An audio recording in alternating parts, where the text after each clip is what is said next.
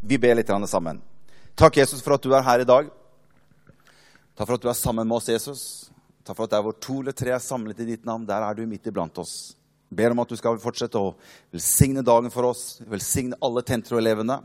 Og så ber vi om at de skal få masse flotte gaver og masse penger, men ikke mer enn at de greier å bære. Det ber vi om i Jesu navn. Amen. Jeg tror de var enige i den der at det var masse penger som skulle komme inn. Det tenkte jeg det. Har du, har du noen gang sagt Er det noen her som noen gang har sagt noe? Og det kom ut av munnen din, og idet du slengte det ut av munnen din, så skjønte du at dette bærer feil av sted. Mottaket på de ord som nå kom ut, vil ikke bli godt mottatt for de som hører det. Og du kunne gjerne vært villig til å betale litt penger faktisk for å få kunne hente de ordene tilbake igjen og inn i munnen. Er det noen som er såpass ærlige og som kan si at vet du, det har faktisk jeg opplevd innimellom? Flott. Jeg også husker det. Husker det for en, altså jeg har vært gift i 25 år nå. Og jeg husker at jeg sa noen ord for 24 år siden som kom litt feil ut. Til, Nei, vent litt, nei, Det var jo du Annette, som sa det til meg. Det var, jeg husker det var, det var jo du som sa det til meg, og også det kom litt feil ut. Annette er jo litt den det er kona mi. Hun er litt mer den følsomme i forholdet. Jeg er kanskje litt mer den stabile i, i forholdet. Men, men, det kommer ut feil, og så er det ikke noe å gjøre med det som kom ut. Det som jeg har tenkt litt på, det er at kan det være at når det blir en litt sånn trengt situasjon, når det blir en litt sånn opphetet, det blir litt, litt kanskje litt eh, trøkket stemning, det blir litt opphetet diskusjon kan det være og nå vil jeg at dere skal tenke litt etter, Du trenger ikke å se på mannen din eller kona di. kan bare se rett fram. Kan det være at de ordene som faktisk kommer ut, egentlig er det som er sant? at det er bare sånn at da kommer egentlig det vi tenker på når situasjonen blir litt opphetet, og vi sier noe Kanskje det egentlig er det som er sannheten av det vi tenker. Og det er det som kommer ut. Kan det være sånn? Jeg ser Mange av dere ser rett fram, og jeg ser ikke til siden akkurat nå. Men jeg tenkte når jeg leste dette om Lasarus, Martha Maria, som hadde fått broren sin, som nå var veldig syk. Han var så syk at han lå for døden. Og dette var en sånn situasjon. For disse elsket Jesus, og de var en veldig nære venner med Jesus. Og situasjonen for dem hadde blitt litt sånn vanskelig, litt utfordrende. Broren deres var veldig, veldig syk. Og i denne opphetede, litt sånn vanskelige situasjonen så står det det at de sender et bud til Jesus. Altså, De skriver, for de sa at de sendte et bud. Det var, sånn, det var, egne mennesker som løp med posten på den tiden. Du sendte ikke en SMS da og si 'Åssen går det med deg?' liksom. Er det greit? Nei, der var det sånn at der, der, måtte folk løpe enten med hest eller så løp de til fots med bud. Så Martha og Maria de skriver en liten lapp som de ber denne mannen om å ta med seg til Jesus. For Jesus var jo ikke der nå, da, når de først trengte han. Han som var en god venn, han som de skjønte han kan hjelpe oss. Nei, når vi trenger han. Nei, nå er han ikke her. Og de ble kanskje litt sånn Nå skulle jo Jesus ha vært her. Vi må sende et bud. Og så skriver de en liten lapp. Og så tenker jeg litt Hvis jeg skulle skrevet en lapp Hvis jeg var oppe i en vanskelig situasjon, en, en vanskelig omstendighet, noe som var utfordrende for meg, og jeg skulle skrive en lapp og sende den til Jesus så tenkte jeg på hva ville jeg ha skrevet? Hva ville du ha skrevet på den lappen?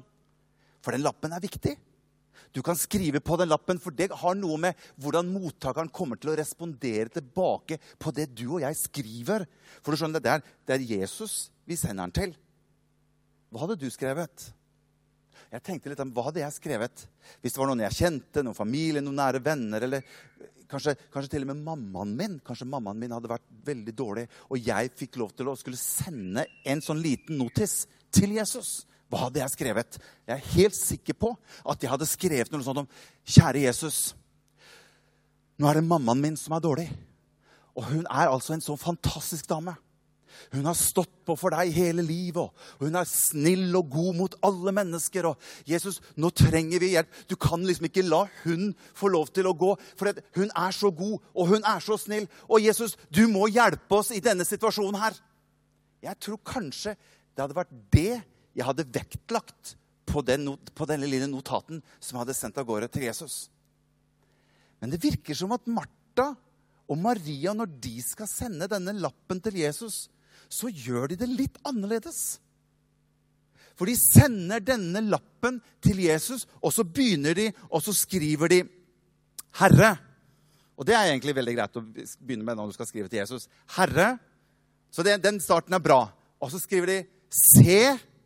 Ja, det er også en bra start. Følg med nå, Jesus, liksom. Nå må, du, nå må du følge med for det som kommer etterpå nå. Det er veldig viktig. Men så begynner de liksom ikke å ramse opp hvor snill Lasarus har vært. da. Tenk på hvor mange ganger han har vært med deg og båret veska til Jesus. hvis han hadde veske da. Og, hvor mange han har hjulpet deg og vært på møter sammen med deg. Og. Det er ikke det de skriver, men de sier, 'Herre, se, han du elsker, er syk'. Så de appellerer til Jesus sin kjærlighet til Lasarus istedenfor å skrive om Lasarus, hvor fantastisk han er. Og Jesus, du må jo huske på han her. Han er den beste broren i hele verden. Og nå er han syk, og nå trenger han deg. Nei, de skriver ikke det i det hele tatt. De skriver til Jesus og sier, 'Herre, se, han som du elsker, er syk.' Og det er alt de skriver på den lappen. Vet du hva det virker for meg? Som at veldig mange av de som var tett innpå Jesus på denne tiden her Det virker på meg som at de hadde en egen evne til å forholde seg til den kjærligheten som de opplevde at Jesus hadde for de, istedenfor den kjærligheten de først omgang hadde til Jesus. For han som skriver dette, han Johannes, det, det vet du, det var Johannes som skrev Johannes, ikke sant? Det er vi enige om. Ja, det er bra. For Johannes, han som skriver dette, han skriver jo, og han, han, han lager jo et kallenavn på seg selv. Er det noen av dere her som har kallenavn? Som har et navn som noen andre liksom har, har kalt deg? Vi var i bryllup i går.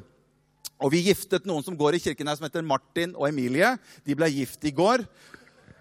Og øh, de er ikke her i dag, tror jeg. De burde ikke være her i dag, i hvert fall. Men da fikk vi høre at når han var liten, så satte han et kallenavn på min pappa og kalte han for Daffa. Og det tenker jeg liksom at Når noen andre gir deg et kallenavn, så er det liksom litt greit. Men når du begynner å lage kallenavn på deg sjøl, det er liksom sånn, litt sånn sosialt liksom litt vanskeligere å, å, forholde seg til. Men Johannes, han som har skrevet dette her, han lager et kallenavn på seg selv. Og så skriver han det opptil fem ganger i sin eget brev. Og så kaller han, så kaller han seg selv Johannes, disippelen som Jesus elsker. Det er meg. Det, jeg vet ikke, jeg får en et eller annet sånn litt sånn derre eh, Er det helt greit? Det er samme som jeg på en måte skulle hilse på dere nå etterpå ute i foajeen. Og så skulle jeg stå der ute liksom Ja, Morten. Pastoren som Jesus elsker. Som om at jeg liksom var liksom en sånn type favoritt av Jesus.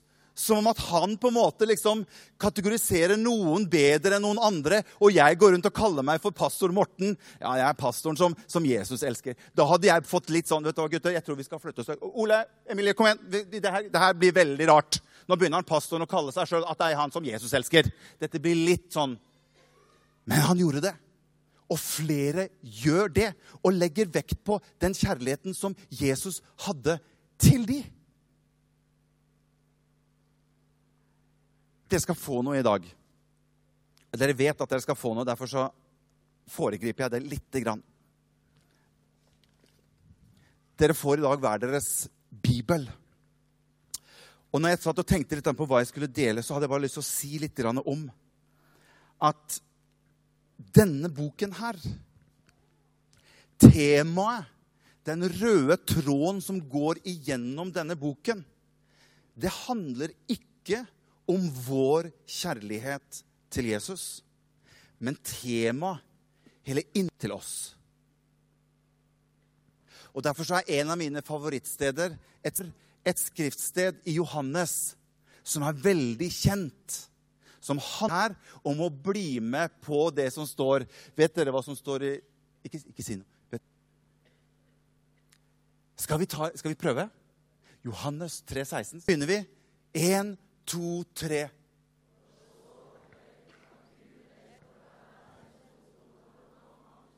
Vi skal fortapes Fantastisk! Vi må få opp det skriftstedet. Neste skriftsted. For det er nesten som at Gud skryter litt. Han skriver ikke 'elsket verden', han skriver 'for så høyt har Gud elsket verden'. For så høyt elsker Gud, og ikke bare snille Morten, pastor Morten, men han elsker alle mennesker så høyt. Det er liksom hele karakteren hans. Det er, det er, det er den han er. Både gode og ikke og det er nesten noen ganger så jeg blir litt sånn innenfor Gud. Jeg har liksom sagt til Gud du må være litt forsiktig, Gud. Du må liksom bare elske folk så at det er ikke sikkert at alle er like gjensidig tilbake til deg. Du kan jo bli følelsesmessig mentalt liksom, litt sånn såret og skuffet. For det er ikke sikkert at alle greier å gjengjelde den kjærligheten tilbake til deg på den måten. Som greier ikke helt å liksom leve opp til den der standarden som jeg opplever at han har mot meg. Hele poenget i forholdet vårt det er jo ikke hvor flink jeg er til å elske meg. Og det er hele utgangspunktet og hele, hele grunntanken at han ga sin sønn for oss. Og det er jo noe som er så bra for oss å forholde oss til. At jeg kan vite at det er hvor Derfor så står det et skriftsted til slutt, som står i 1. Johannes 4,10. Ja, dette er kjærligheten, sier han. Og det er så bra. Se hva som står. Men at han har elsket oss ikke alltid til. Og det er noe av det jeg har lyst til å sende med dere som Tentro-elever. Vi alltid elsker deg. Så høyt. Og, noen, og det er noen ganger så du får lyst til å si Gud, du kan ikke jeg, hvis jeg har gjort noe Du må, du må jeg, jeg, kan ikke du, du, må holde, du, må gi meg litt rom her. Jeg må, jeg må, jeg må skjerpe meg. Du kommer aldri til å holde den standarden. Men jeg elsker deg så det i deres forhold til Jesus at han er all hun ute etter. Og han sier til meg, 'Morten, jeg kan ikke noe for det.' Det er bare sånn. For jeg bare elsker verden så høyt. Sånn er den Jesus som vi Jeg takker deg for at du har gitt ditt liv for oss. Takk for at du elsket oss så høyt. La oss få lov til å oppleve, oppdage og kjenne på om din kjærlighet til oss. Takk skal du ha, Jesus.